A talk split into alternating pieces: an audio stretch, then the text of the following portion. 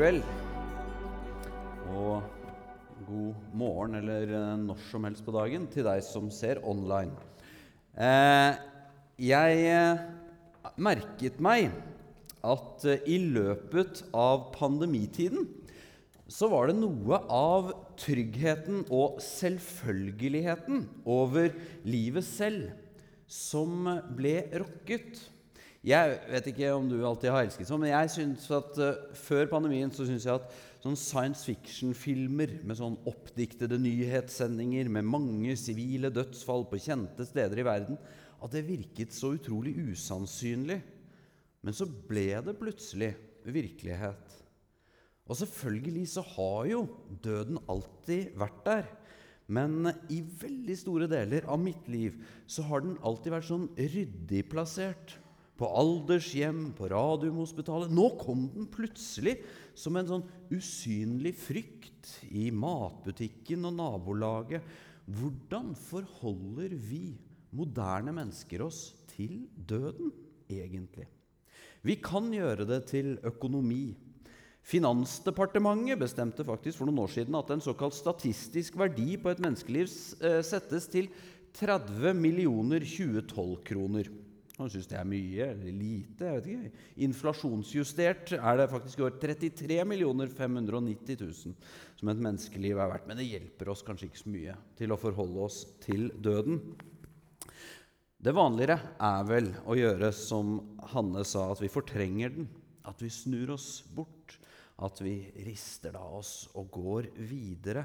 Det hjelper jo ingenting å drive og tenke på døden, sier vi kanskje til oss selv. Men så kommer altså allehelgenssøndag, og jeg vil også inkludere den litt harry amerikanske lillebroren halloween.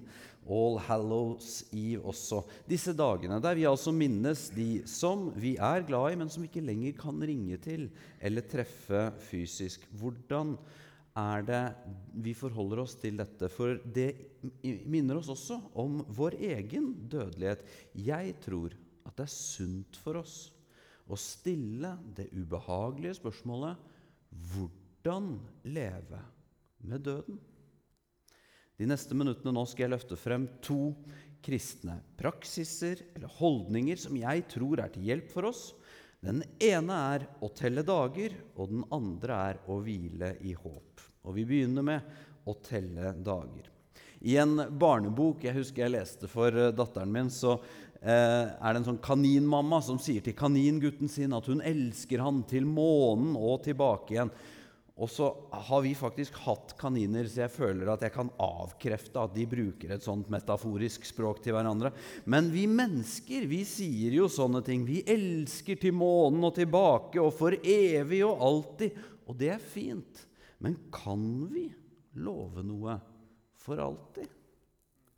Flere bønner i Bibelen sier noe som kan høres merkelig ut, f.eks. Salme 39. Herre, lær meg at jeg skal dø, hvor få og tilmålte mine dager er, så jeg kan innse at mitt liv tar slutt. Se, en håndfull levedager har du gitt meg. Min levetid er som ingenting for deg. Hvert menneske er et pust. Er det her for et deprimerende fokus å tenke at vi har begrenset tid? Hva er det til hjelp for? Jeg tror det. I begravelser ber jeg alltid Salme 90, som Hannes sa, lær oss å telle våre dager, så vi får visdom i hjertet. Vi mennesker vi vil heldigvis vanligvis fokusere mest på det som er oppmuntrende og lyst.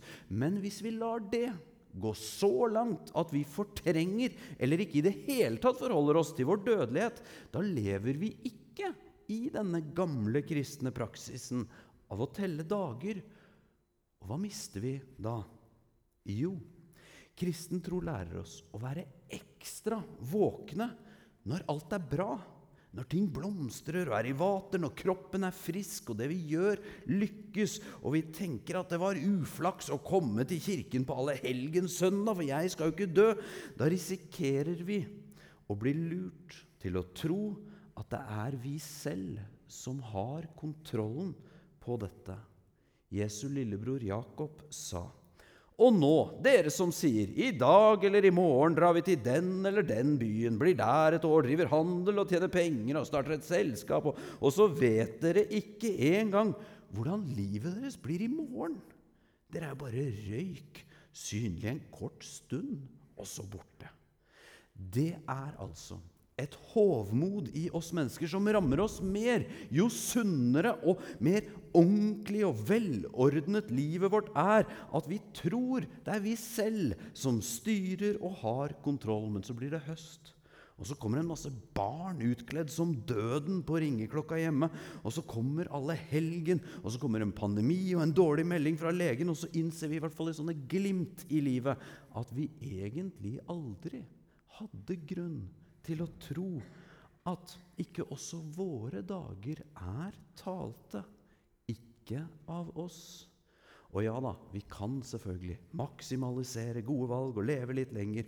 Særlig ved å gå jevnlig i kirken, faktisk. VG ringte meg og sa det for noen år siden. Syv år lenger kan du regne med å leve hvis du går i kirke. Så da kan noen sitte og regne ut hvor mye tid du faktisk bruker i kirke i forhold til hvor mye du legger til.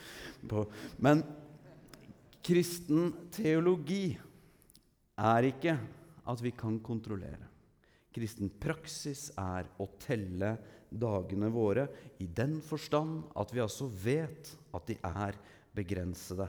Og det kan gjøre oss klokere når vi forvalter livene våre. Hvordan da? Jo, med dette at vi ikke blir hovmodige og tror vi har kontroll på alt, og at ikke vi sløser med livet. Tror vi at vi har uendelig med tid, så kan vi bare kaste den bort. Men dagene, ukene vi har med noen årene, relasjonene, måltidene, hverdagene, feriene, de er dyrebare. For de kan telles. Og takknemligheten for Guds hånd, som har gitt oss alt, kan hjelpe oss til å være til stede i alle disse øyeblikkene som vi har. Eller at vi rett og slett teller dagene, som Bibelen kaller det. Og Det er den første praksisen for å leve i møte med døden. Andre, den andre praksisen eller holdningen det er å hvile i håp. Tenker du om deg selv at du er pessimist eller optimist? Vår kultur, samtiden som vi lever i, som påvirker oss alle, den er jo ganske mye bygget på optimisme. I den forstand at vi i århundrer nå har trodd at ting utvikler seg og blir litt bedre hele tiden. Det sitter i ryggmargen vår. Mange vet ikke at det faktisk er en tankegang som i stor grad kom med kristen tro. For de fleste livsanskuelser før kristen tro, og vi ser de østlige religioner fortsatt, er, er sykliske. At ting går i ring og gjentar seg. Og Du finner trekk av det her i Bibelen selv. Jeg leste fra Forkynneren. Det er kong Salomo når han var gammel, og jeg ser han for meg som sånn gammel mann på kjøpesenter på kafeen der, som sier det som har skjedd, skal atter skje, og det som ble gjort, skal gjøres på nytt, og intet er nytt under solen, blir det sagt, og noe se, dette er nytt, har det likevel hendt tidligere, i tidligere tider, lenge før oss. Men med Jesu visjon om Guds rike som kommer, så skapte den også et driv fremover. Den prisvinnende britiske historikeren Tom Holland har skrevet en bok Han var her i Filla for noen uker siden. En bok som jeg virkelig kan anbefale, som heter 'Dominion'. Og den viser noe av akkurat dette. Nå skal du få to minutter på den.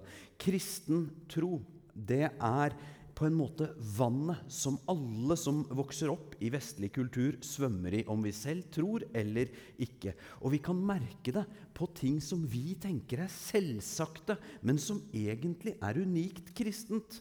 Filosofene i opplysningstiden fra 1700-tallet de tok avstand fra kristen tro og mente at fremtiden og fremskrittene lå i å frigjøre seg fra kristen tro. Men filosofen Nietzsche han kritiserte hele den gjengen for at det der var en veldig overfladisk avstandstagen. For, som Nietzsche påpekte, opplysningstidens tenkere de opprettholdt jo fortsatt troen på individets frihet og verdighet, på like rettigheter for alle, på vårt ansvar for å ta oss av de svakeste, og troen på en stadig bedre fremtid. Og alt dette som vi jo fortsatt i dag tar for gitt, det var ideer som åpenbart ikke kunne komme fra noe annet enn kristen tro, mente Nietzsche. For romerne og grekerne var det latterlige idealer. Det var ingen logisk grunn til at samfunnet skulle utvikle seg frem til ideer som dette. Nietzsche mente at det vil være mye mer logisk hvis vi faktisk tror at vi bare eksisterer på bakgrunn av tilfeldigheter og den sterkestes rett, at det ikke skulle være noen moralske absolutter eller mening med livet utover makt og det å herske over andre. Nietzsches samtid lo av han og kalte han en gærning for å tenke sånn, for selvfølgelig så lå det fremskritt i å kvitte seg med troen og kirkens klamme hånd og overtro og fordommer, og så skulle menneskerettigheter og frihet og vitenskap følge som uunngåelige konsekvenser av denne frigjøring. Hva fulgte etter opplysningstiden? Fra 1900 så fikk vi første verdenskrig pandemi, spanskesyken, den store depresjonen på 30-tallet, andre verdenskrig. Og så kom det liberale demokratiet, og ting så ut til å gå bra. Den kalde krigen gikk over, og den berømte statsviter Francis Fukuyama han erklærte ved Berlinmurens fall igjen optimismen med å kalle det 'the end of history'. Nå piker det. Endelig blir alt bra. Men så har mange siden da måttet innrømme at Nietzsche likevel ser ut til å få rett. Fremskritt, optimisme og utvikling til det bedre, det er ikke logisk uunngåelig. Polarisering, klimakrise, diktatur i Kina, økende nasjonalisme mange steder. Hva er det som skjer? Hva skal vi si? Er kristen tro, håp og troen på fremtiden, er det feil? Er det pessimister vi alle skulle vært? Nei, det kristne håpet har aldri vært mer aktuelt og relevant enn akkurat nå. For i møte med døden så kan vi hvile i at det kristne håpet, i motsetning til disse andre håpene, det er fundert, det er fullstendig, og det er fungerende. Vi begynner med at det er fundert. Hva bygger det kristne håpet i møte med døden på. Dypest sett så bygger det på den tidlige søndag morgen etter den forferdelige helgen da Jesus ble drept. Det står Men Maria sto like utenfor graven og gråt. Gråtende bøyde hun seg frem og så inn i graven. Maria hun hadde levd et hardt liv. En periode hadde mørket tatt helt overhånd, og hun hadde levd helt uten håp. Men så møtte hun Jesus, og lyset hans hadde drevet mørket ut av henne og gitt henne håp. Men nå var håpet knust denne helgen. Vår menneskelige erfaring sier også at håp det er ikke særlig solid fundert. Det er liksom alltid bare midlertidig. En stund går det bra, en stund. Men nå var alt håp ute for Maria, selv om hun en periode hadde vært så lykkelig. Da fikk hun se to hvitkledde engler sitte der Jesu kropp hadde ligget, en ved hodet og en ved føttene. 'Hvorfor gråter du, kvinne?' spurte de. Hun svarte, 'De har tatt Herren min bort, og jeg vet ikke hvor de har lagt han.' Håpet hennes nå er redusert til bare å få se den døde kroppen hans. I samme stund snudde hun seg og så Jesus stå der, men hun skjønte ikke at det var han. 'Hvorfor gråter du, kvinne?' spør Jesus. 'Hvem leter du etter?' Hun trodde det var gartneren og sa til han, 'Herre, hvis du har tatt ham bort, så si meg hvor du har lagt han, så jeg skal kan ta han med meg.' Når vi gråter, så ser vi jo ikke klart. Og det kan virke som at vi bare er omgitt av fremmede og skygger. Svenske sangeren Einar Ekberg skrev en gang noen stand blant alle skuggorna står Jesus. Og Jesus var mye nærmere Maria enn hun trodde. For gartneren tok ordet igjen. Maria, sa Jesus. Da snudde hun seg og sa til ham på hebraisk rabuni. Det betyr mester. Det vi som leser dette i dag, ikke ser av konteksten her, det er at dette var jøder i det første århundret. Og bl.a. forsker eh, og professor og biskop N.T. Wright han har skrevet mye om at hvis det noen gang i historien har vært én kultur som ikke ville tro på at et menneske kunne stå opp fra de døde, så var det disse. For bare en gud kan gjøre sånt. Og ja da, hedningene, altså romerne og grekerne, de hadde uansett masse guder. Det var helt kollaps uansett. De kunne saktens legge til en gud til. Men for jødene var dette grov blasfemi. Hvorfor var det da akkurat disse som begynte å reise verden rundt og fortelle om at døden hadde tapt? De fortalte historier som brøt med alt de hadde blitt lært opp til å tenke, og brøt med sin tradisjon, og til slutt kostet det de livet. Apostelen Johannes var der de dagene. Og det var han som da han skulle få sin historie nedskrevet i det vi i dag kjenner som Johannes evangelium, så kom de til dette med korsfestelsen og oppstandelsen, og da skyter skribenten inn, som skriver for Johannes. Han som så det, har vitnet om det, for at også dere skal tro. Og da Johannes med egen penn skrev brev, så skrev han det vi har hørt, det vi har sett med våre egne øyne, det vi så som hendene våre tok på, det forkynner vi. Det kristne håpet, det er eh, fundert i at Jesus Kristus, den deilige søndag morgen, omtrent akkurat da solen drev mørket tilbake selv vant over døden. Og til og med forskere som ellers betviler mye i Bibelen, innrømmer at vitnesbyrdet om Jesu oppstandelse det er solid fundert. Det er rett og slett troverdig, i den grad et mirakel kan være det. For det er så mange og så samstemte vitner til det. Og de som fortalte om det, de hadde ingenting å tjene, bare alt å tape på å fortelle om det. Så når de likevel fortalte, så var det fordi det var akkurat dette som hadde skjedd. Det kristne håpet, det er fundert i at Jesus Kristus sto opp igjen fra de døde. Det neste er at det kristne håpet det skiller seg fra andre håp gjennom at det er fullstendig. Østlige religioner, buddhisme og hinduisme sier at vi lever videre, men ikke som personer, men at vi går opp i noe annet, som en dråpe i et hav.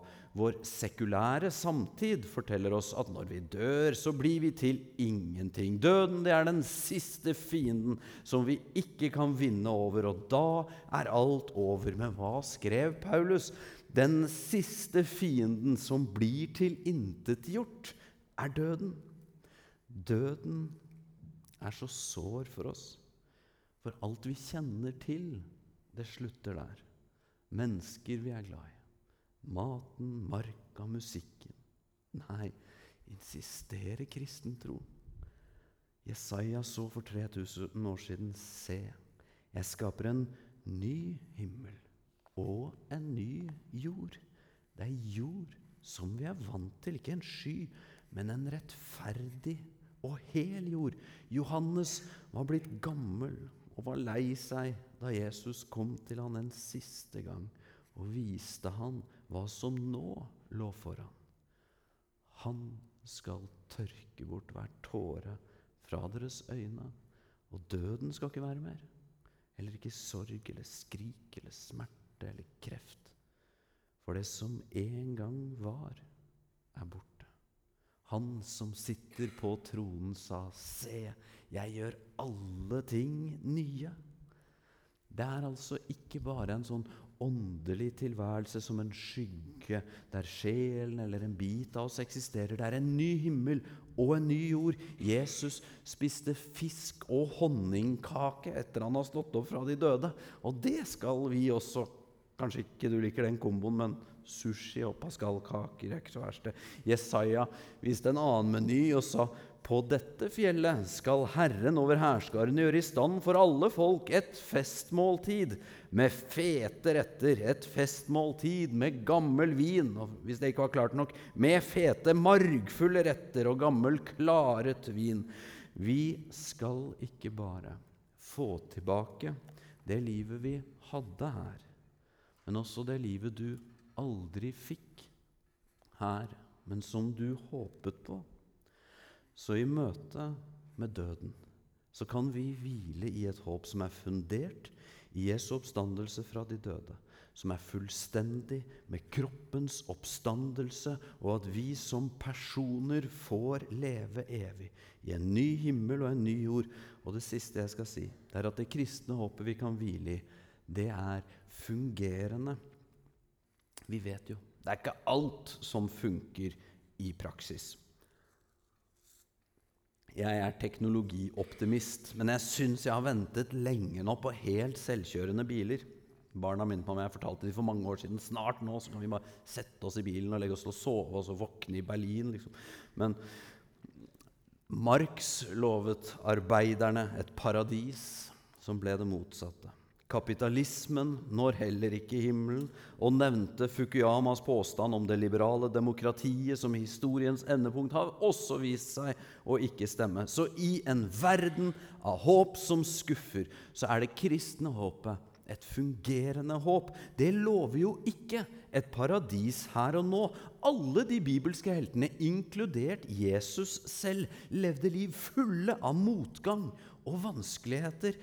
I stedet så sier det kristne håpet, som Paulus uttrykker det, vi vet at alt tjener til det gode for den som elsker Gud. Alt er ikke godt. Langt ifra. Masse er vondt og uforståelig. Men i alt kan det være noe som kan tjene til noe godt. Det er noen skatter som bare kan finnes på veldig mørke steder. Det funker altså ikke å vente at alt blir perfekt her. Men det kristne håpet sier at Guds rike, det er på vei. Og når det kommer helt, da skal alt være i vater. Eller som Jesaja skriver poetisk Ulven og lammet skal beite sammen. Tenk på det. ja. Da får endelig ulven være i fred, selv om Senterpartiet er i regjering. Nå sa ikke jeg at Senterpartiet skal være i regjering i Guds rike. Altså. Jeg sa ikke motsatt heller, så ikke send meg mail om det. Men vi er på vei mot dette håpet. Og det fungerer hvis vi allerede nå stiller oss på Guds rike side, hvis vi lar det som er på vei, inspirere det vi lever her og nå. Det betyr at vi prøver å tilgi hverandre allerede her. At vi prøver å forvalte ressurser og hverandre med kjærlighet allerede nå. Og at vi lever i et fungerende håp om noe som er på vei, og som allerede har begynt. Så i møte med døden så er vi alle små. Men kristen tro det lærer oss også disse to praksisene. Å telle dager og å hvile i håp. Å telle dager betyr at vi erkjenner livets sårbarhet, vår egen dødelighet, og gjennom det får verdsette det vi får. Og håpet, det hviler i at vi er, det er fundert i Jesu oppstandelse fra de døde. Det er fullstendig gjennom at alt vi mister eller aldri fikk, det vil vi få. Og det er fungerende.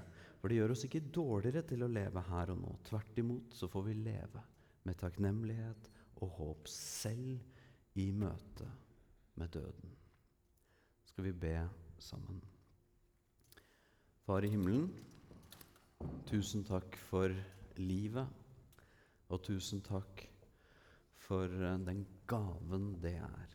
Tilgi oss når vi behandler livet skjødesløst, og når vi ikke ser med takknemlighet og ærefrykt på det vi har fått. Tusen takk for håpet, som er sterkere enn døden. Og nå ber jeg om at uh, du må gi øynene i hjertet vårt lys, sånn at håpet får vokse i oss og gjøre oss trygge i møte med det som møter oss av dager fremover. Og så takker jeg deg for at du vil bevare oss igjennom og føre oss til det evige livet.